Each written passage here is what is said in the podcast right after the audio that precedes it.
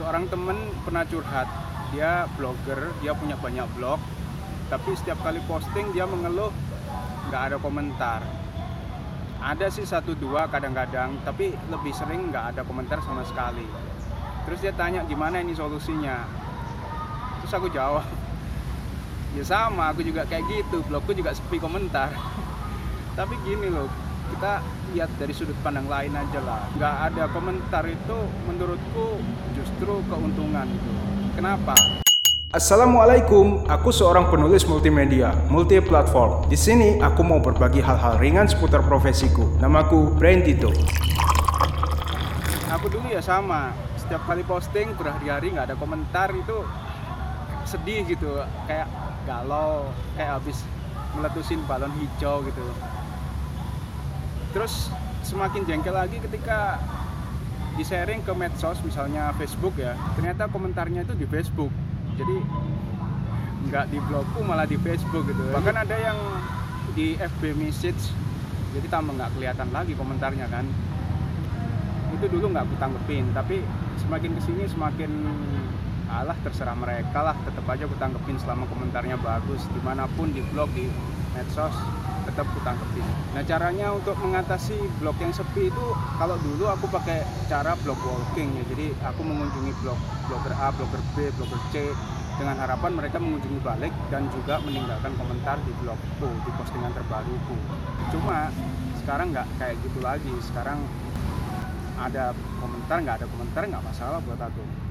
Tenang. Justru aku mengang- menganggap bahwa nggak ada komentar itu punya keuntungan tersendiri. Ada setidaknya lima keuntungan.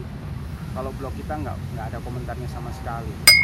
Yang pertama kita bisa repost kapan aja. Blog sekarang itu paradigmanya kan nggak kayak dulu. Kalau dulu semakin banyak semakin baik postingan.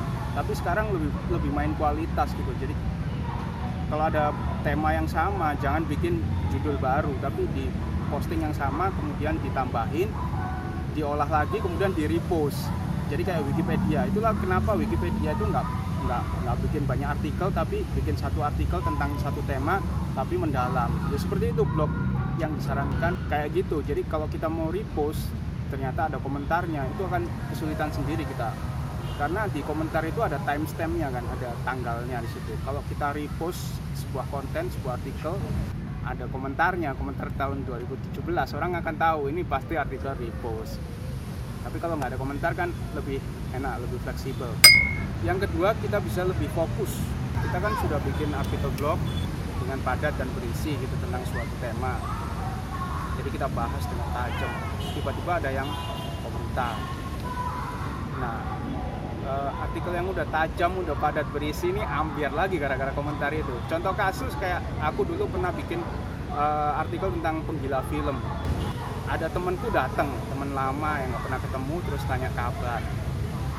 Tanya kabar aku terus aku bales gimana kabarnya dia. Terus dia tanya gimana kabar teman-temanku yang di Surabaya dan seterusnya. Akhirnya komentar itu jadi jauh lebih panjang daripada artikelnya. Nah Google yang semula melihat artikel ini padat berisi dan memang tentang film jadi bingung gitu. Soalnya kita nambahin dengan keluarga tentang kabar teman dan sebagainya. Tambah ambiar kan? Terus yang ketiga nggak ada risiko broken link. Apa gunanya? Komentar banyak 100 komentar 200 komentar dari teman-teman blogger kita. Kemudian beberapa tahun kemudian mereka jadi males blogging. Kemudian nggak memperpanjang domain dan hosting. Kemudian blognya disuspend oleh penyedia apa hostingnya. Nah apa gunanya seperti itu? Itu akan terhitung sebagai broken link kan? Kita kita ngeklik URL mereka yang ditinggalkan di blog ditinggalkan di komentar itu nggak bisa diakses dan itu akan menciderai reputasi blog kita. Tapi kalau kita nggak ada komentar kan sepenuhnya apa URL link dan yang keluar terutama itu terkontrol. gitu. Yang keempat nggak perlu blog walking. Masalah tradisi blog walking ini memang pro kontra ya. Ada yang pro, ada yang kontra. Yang pro ya melihatnya dari sisi etika, seperti kita bertetangga, seperti kita berteman, kita saling mengunjungi gitu. Yang kontra merasa ini buat apa apa tujuannya gitu orang kalau cari informasi itu kan ketik di Google searching bukannya blog walking ketika saya butuh informasi tentang ini apa ini uh, Taman Bungkul ya kita ya aku akan searching Taman Bungkul. Jadi aku nggak perlu mengingat-ingat siapa blogger Surabaya yang pernah uh, nulis tentang Taman Bungkul ya. Oh si A si B terus aku langsung mengunjungi blognya. Terus apa ngubah-ngubah blognya mana tentang Taman Bungkul ya. Nggak perlu seperti itu cukup searching di Google lebih lebih praktis. Nah kalau kita punya tradisi blog walking kita punya tradisi saling mengomentari. Lama-lama kita juga kerepotan juga kan ewu pakai ewu. Nah kalau nggak ada komentar kita bisa fokus untuk menciptakan uh, konten-konten berikutnya. Yang kelima adalah tes motivasi. Motivasi blogging kita itu apa sih? Kalau motivasiku ya pertama berbagi ilmu. Dalam Islam itu sampaikan walau satu ayat gitu kan.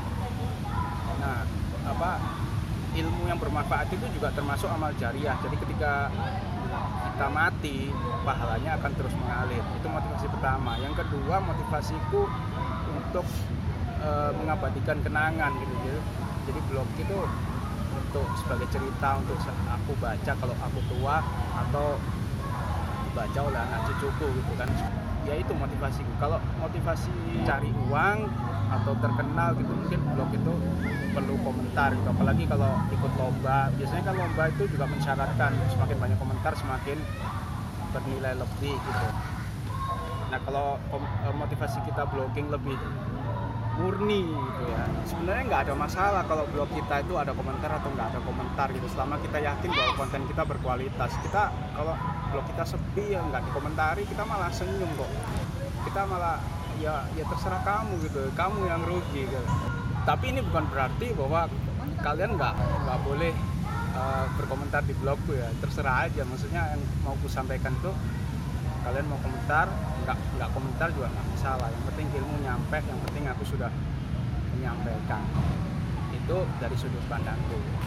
Kalau dari sudut pandangmu bagaimana? Assalamualaikum